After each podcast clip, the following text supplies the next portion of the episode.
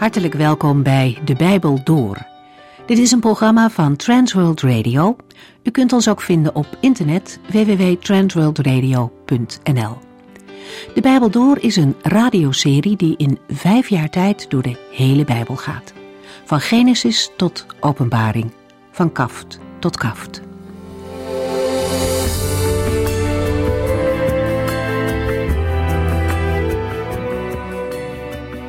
Vandaag lezen we verder uit het Bijbelboek Openbaring. In hoofdstuk 2 vinden we de brief aan de gemeente in Pergamum. Het is de derde stad die Johannes noemt. De Romeinen maakten die stad tot hoofdstad van de provincie Azië. Het was een van de eerste steden met een openlijke verering voor de Romeinse keizer. In Pergamum zetelt ook de Romeinse proconsul, die een vrijwel onbeperkte macht had. De christenen hadden daaronder te lijden. Antipas was al als martelaar gestorven. Aan de ene kant is er in de brief aan de christengemeente van Pergamum een toespeling op de macht van het Romeinse Rijk, maar aan de andere kant wordt in deze derde brief ook duidelijk waar de werkelijke macht ligt. Niet bij het Romeinse Rijk, maar bij de Heer Jezus Christus. Dat blijkt al uit het begin van de brief, waar we lezen: Dit zijn de woorden van Hem die het scherpe, tweesnijdende zwaard heeft. Dit wordt gezegd door de opgestane mensenzoon, Jezus Christus. Het scherpe, tweesnijdende zwaard heeft betrekking op de woorden van oordeel die de heiland uitspreekt over de gemeente van Pergamum. De christengemeente van Pergamum is passief geworden in haar houding tegenover heidense praktijken. Tegelijkertijd is het een toespeling op de macht van het Romeinse Rijk die ook door een zwaard werd gesymboliseerd. De Heer laat zien dat de uiteindelijke macht in zijn handen ligt en niet bij een wereldse grootmacht. De overheid zette de christenen in Pergamum onder druk en de Heere ziet dat. Hij weet dat ze wonen in een stad waar Satan regeert. En toch zijn ze trouw aan hem gebleven. Hij prijst hen omdat ze ondanks de omstandigheden trouw zijn gebleven. Maar er is ook een punt waarop men moet veranderen. Er is sprake van vermenging met wereldse praktijken met heidense denkbeelden. Dat is een valstrik voor de gemeente. Door het compromis komt afgoderij en immoraliteit binnen in de gemeente. En de Heer Jezus waarschuwt dat zo'n dubbele houding desastreuze gevolgen heeft. Christenen kunnen niet en Christus en de afgoden dienen.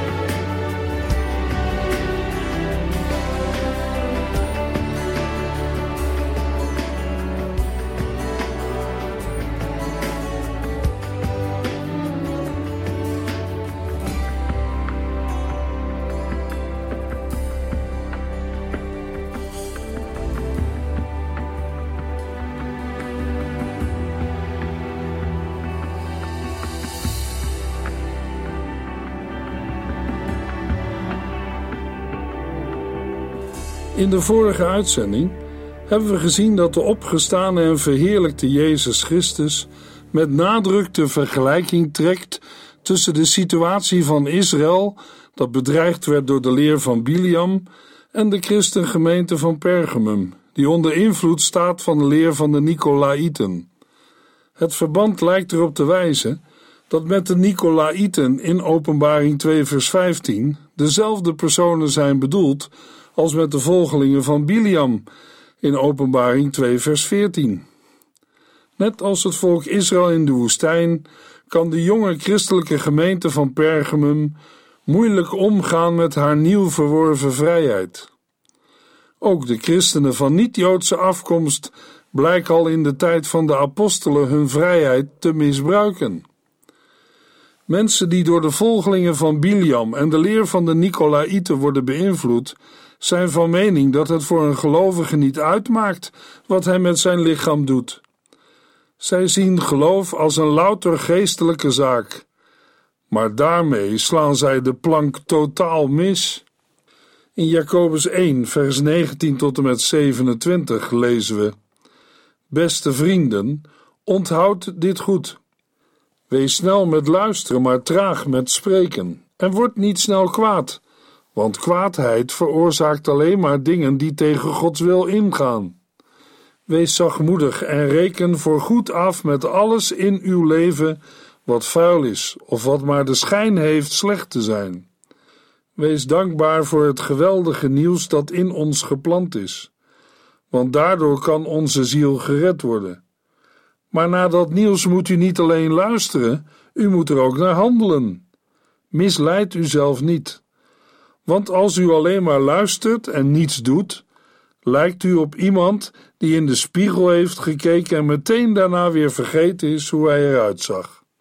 Maar als u zich blijft verdiepen in Gods wet, die vrijheid brengt, en u die niet alleen goed onthoudt, maar ook naar leeft, dan zal God u zegenen in alles wat u doet. Als u zegt een christen te zijn, maar uw tong niet in bedwang houdt, maakt u zichzelf iets wijs. Uw godsdienst heeft niets te betekenen.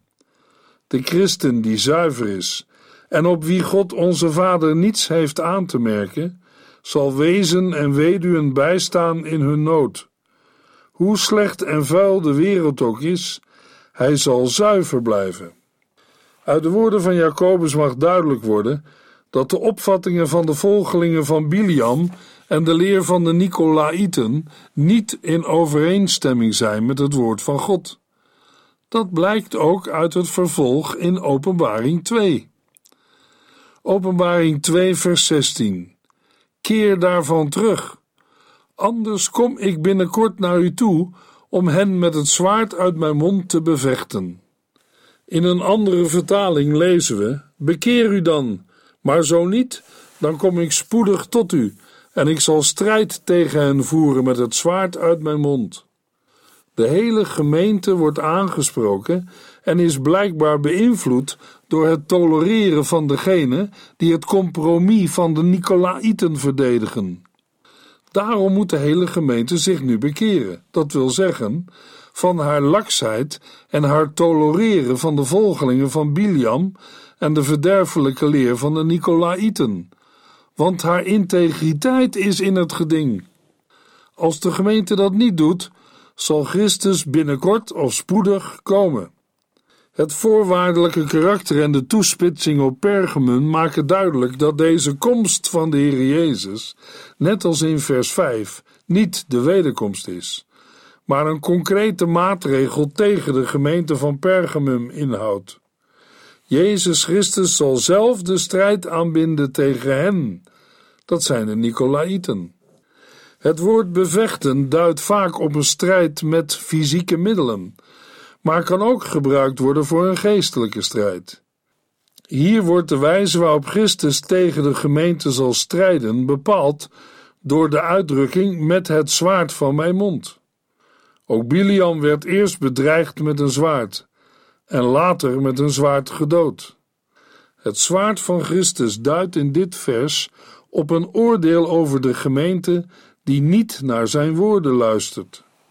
Het zwaard herinnert aan de knecht van de Heere, die in Jesaja 49 vers 2 zegt: God zal de veroordelingen die ik u laat horen, scherp als zwaarden maken. Hij heeft mij verborgen in de schaduw van zijn hand. Ik ben als een scherpe pijl in zijn pijlkoker. Het zwaard is een beeld van het oordeel, van de rechterlijke autoriteit van de knecht van de Heere. Als het woord van God in het hart van de gelovigen niet uitwerkt, waartoe het is gezonden, gaat God over tot oordelen. Zo zien we dat de pastorale zorg van Christus voor zijn gemeente een oordeel niet uitsluit. Het is niet bekend hoe het met de christengemeente in Pergamum is afgelopen. Hebben ze zich inderdaad bekeerd of zijn ze op een of andere wijze door Christus gestraft? Het Griekse woord voor bekering heeft de betekenis in zich van een verandering van denken. We lezen in 1 Johannes 1, vers 9: Maar als wij onze zonden bekennen, is God zo trouw en rechtvaardig ons die te vergeven. Dan reinigt Hij ons van alles wat we verkeerd hebben gedaan. Het is een fatale fout als we denken dat de kerk of gelovigen het gezag hebben om te bepalen wat goed en fout is. De ware gemeente of kerk van Christus wordt gevormd door gelovigen die de Heer Jezus Christus kennen als hun persoonlijke heiland en verlosser. Samen vormen zij met alle gelovigen het lichaam van Christus. Paulus legt het beeld van de gelovige als het lichaam van Christus het duidelijkst uit in 1 Corinthians 12, vers 12 tot en met 31, waar we lezen: Ons lichaam bestaat uit vele delen, maar al die delen samen vormen één lichaam. Zo is het ook met Christus. Want de Geest heeft ons allemaal tot één lichaam samengevoegd, het lichaam van Christus. Het doet er niet toe of wij Jood of niet-Jood zijn, slaaf of vrij man. Wij zijn allen doordrenkt met die ene geest. Een lichaam bestaat niet uit één enkel deel, maar uit vele delen. Als de voet zou zeggen dat hij niet bij het lichaam hoort, omdat hij geen hand is, hoort hij daarom niet bij het lichaam? En als het oor zou zeggen dat het niet bij het lichaam hoort, omdat het geen oog is, hoort het daarom niet bij het lichaam? Als het lichaam alleen maar oog was, hoe zou het dan moeten horen? Als het lichaam één en al gehoor was, hoe zou het dan moeten ruiken? Nee, God heeft alle verschillende delen op hun eigen plaats in het lichaam gezet, zoals Hij dat goed vond. Als er maar één deel was, zou u niet van een lichaam kunnen spreken. Maar er zijn vele delen en samen vormen zij één lichaam. Het oog kan niet tegen de hand zeggen: Ik heb je niet nodig. En het hoofd kan ook niet tegen de voeten zeggen: Ik heb jullie niet nodig.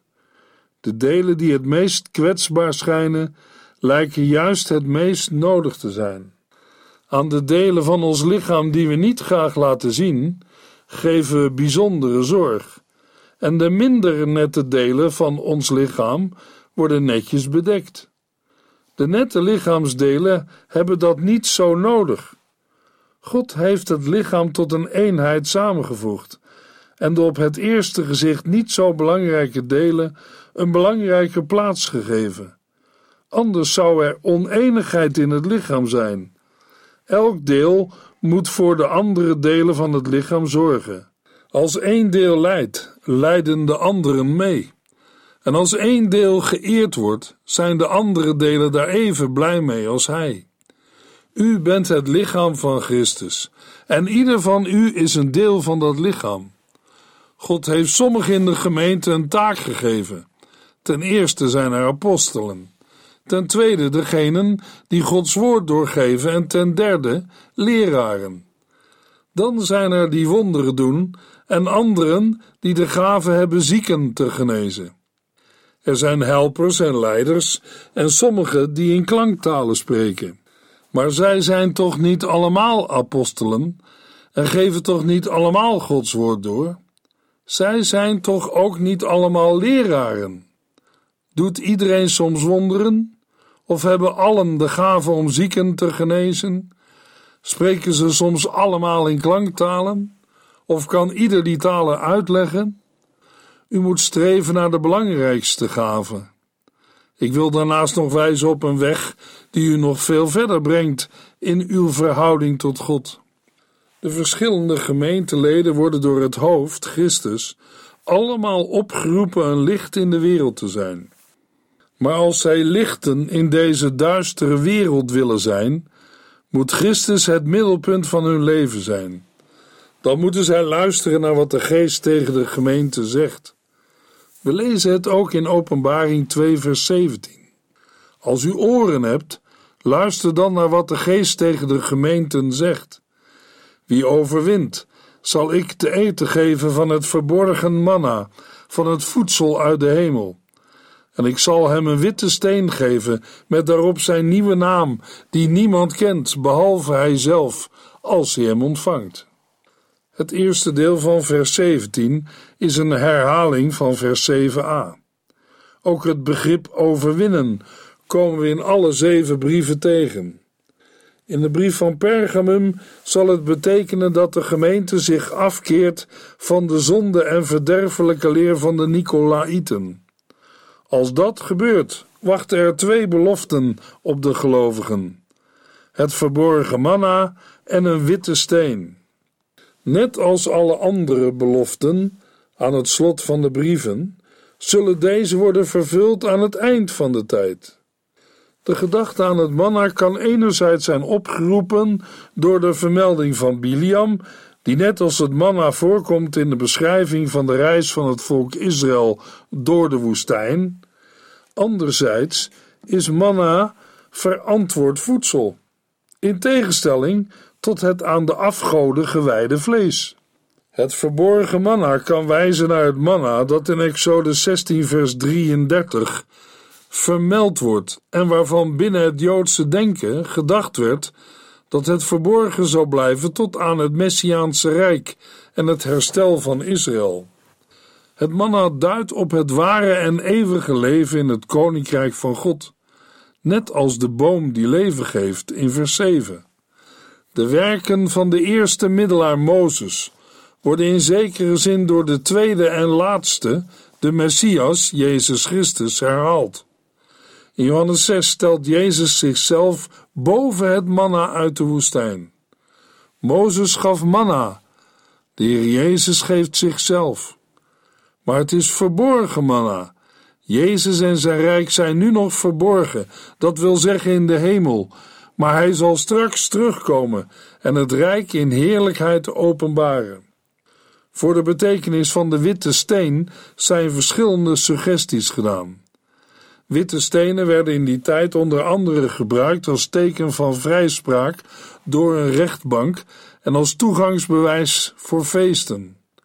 Maar op dergelijke stenen stond geen naam, terwijl dat hier wel het geval is.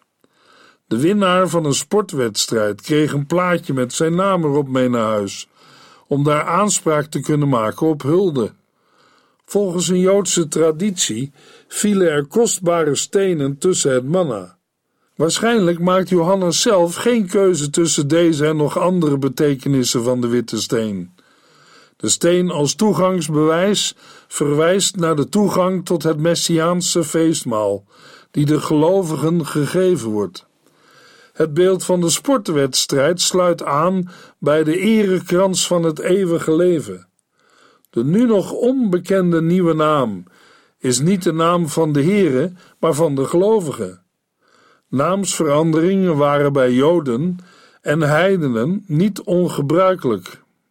De naam had voor mensen in die dagen veel meer betekenis dan voor ons.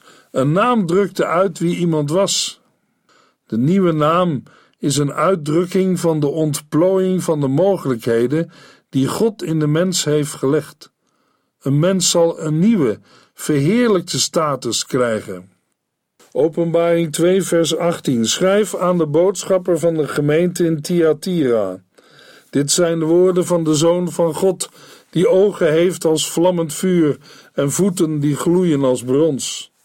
Thyatira is een van de zeven steden in Openbaring 2 en 3. Het is een stad waarover wij het minst weten, maar aan de christengemeente al daar stuurt de Heer Jezus de langste brief.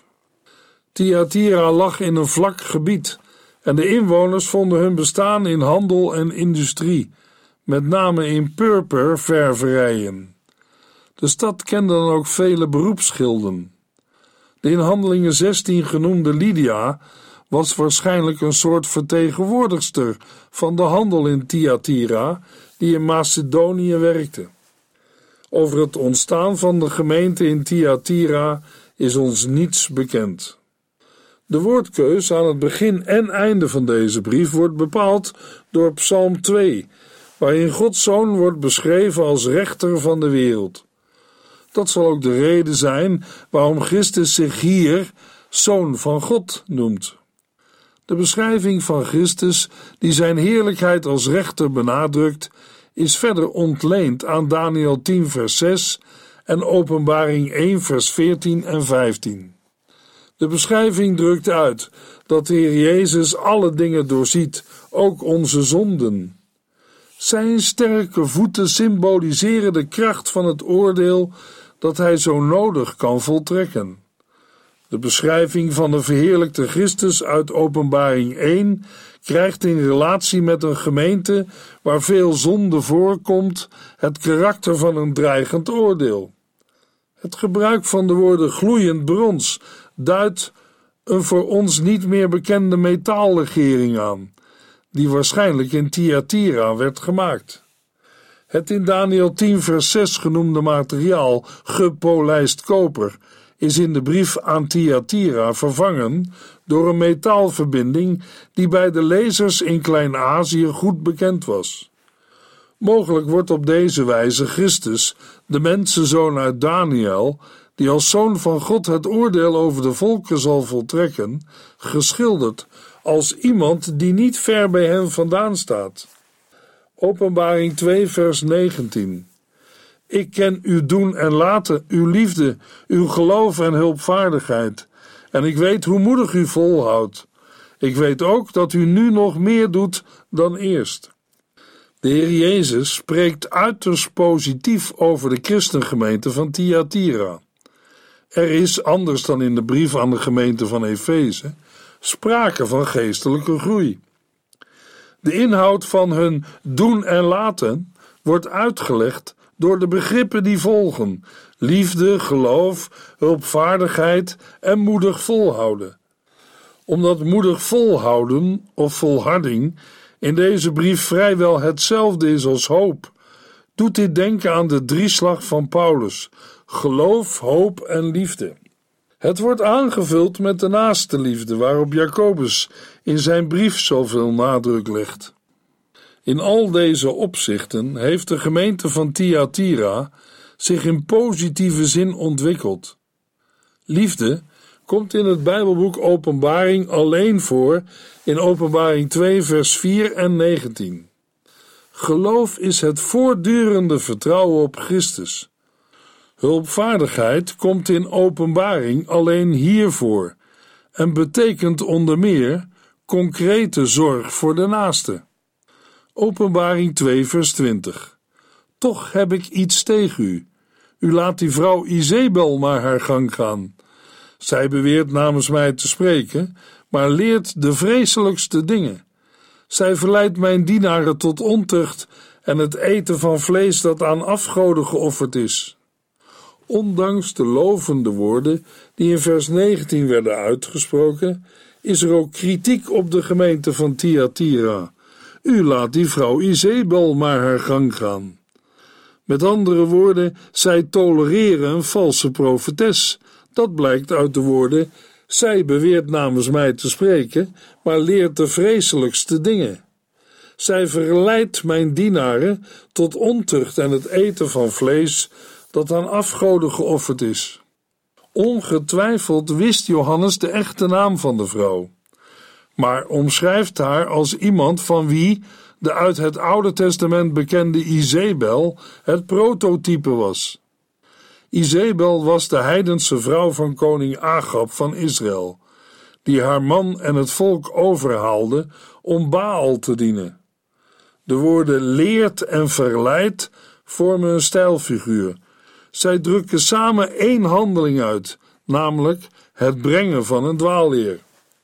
In het Jodendom waren vrouwen soms hoofd van een synagoge. In de vroeg-christelijke gemeente hadden diverse vrouwen belangrijke posities. Met de woorden mijn dienaren wordt de hele christengemeente aangeduid. De zonden waartoe de valse profetes verleidt, zijn dezelfde als die in Openbaring 2 vers 14 genoemd werden. Ook in Thyatira maken enkele gelovigen zich schuldig aan het eten van vlees dat aan afgoden geofferd is en het bedrijven van ontucht. De meeste gemeenteleden van Thyatira doen dit weliswaar niet zelf, maar zij treden ook niet op tegen de verleidster. Zij laten haar begaan. De zonde van afgoderij en ontucht, waarop Christus doelt, hingen waarschijnlijk samen met de feesten van de beroepsgilden in de stad. Er waren christenen die van mening waren dat een vrije levensstijl wel kon samengaan met het christen zijn, omdat zij kennelijk van mening waren dat lichamelijke daden de geest niet konden besmetten. Maar de brief aan Thyatira geeft aan dat dit compromis zonde is. En de consequentie daarvan is dat christenen in Thyatira niet meer in hun beroepsschilden kunnen blijven. Openbaring 2, vers 21 tot en met 23. Ik heb haar de tijd gegeven om zich te bekeren van haar ontucht, maar zij wil niet. Daarom zal ik haar op bed doen liggen en hen die ontucht met haar bedrijven laten leiden, tenzij zij met haar breken. Ik zal haar kinderen doden. Alle gemeenten zullen weten dat ik de diepste gedachten en wensen van de mens ken, en dat ik ieder zal geven wat hij verdient. Er is kennelijk iets concreets gebeurd met de valse profetes. Christus heeft haar een duidelijke waarschuwing gegeven, mogelijk via Johannes. Nog heeft de Heere geduld met haar, maar daar zal een einde aan komen. Het oordeel waarvan de inhoud vanaf vers 22 wordt uitgelegd, is alleen opgeschort, opdat zij zich bekeert. Dit uitstel is een illustratie van Gods liefde en geduld, zelfs voor de ergste zondaars. Maar op dit moment wil de valse profetes zich niet bekeren en daarom wordt ze door deze brief voor de tweede maal gewaarschuwd. De strafmaatregel die de Heere neemt tegen de valse profetes worden in vers 22 en 23 toegelicht. Openbaring 2, vers 24 en 25. Maar gelukkig zijn er in Thyatira nog mensen die deze verderfelijke leer niet volgen, die niet de zogenaamde diepten van Satan hebben leren kennen. Van u vraag ik niets meer dan dat u vasthoudt wat u hebt, totdat ik kom. Met de woorden van vers 24 richt de Heere zich tot de gemeenteleden die nog niet tot zonde zijn verleid. En hij bemoedigt hen met de woorden: Van u vraag ik niets meer dan dat u vasthoudt wat u hebt, totdat ik kom. Heel concreet gaat het ook hier over het verbod op deelname aan de heidense godsdienst in de vorm van ontucht en het eten van vlees dat aan de afgoden is gewijd. Naast dit gebod stelt Christus geen andere eisen aan de gemeente van Thyatira. In de volgende uitzending lezen we Openbaring 2, vers 26 tot en met 3, vers 6.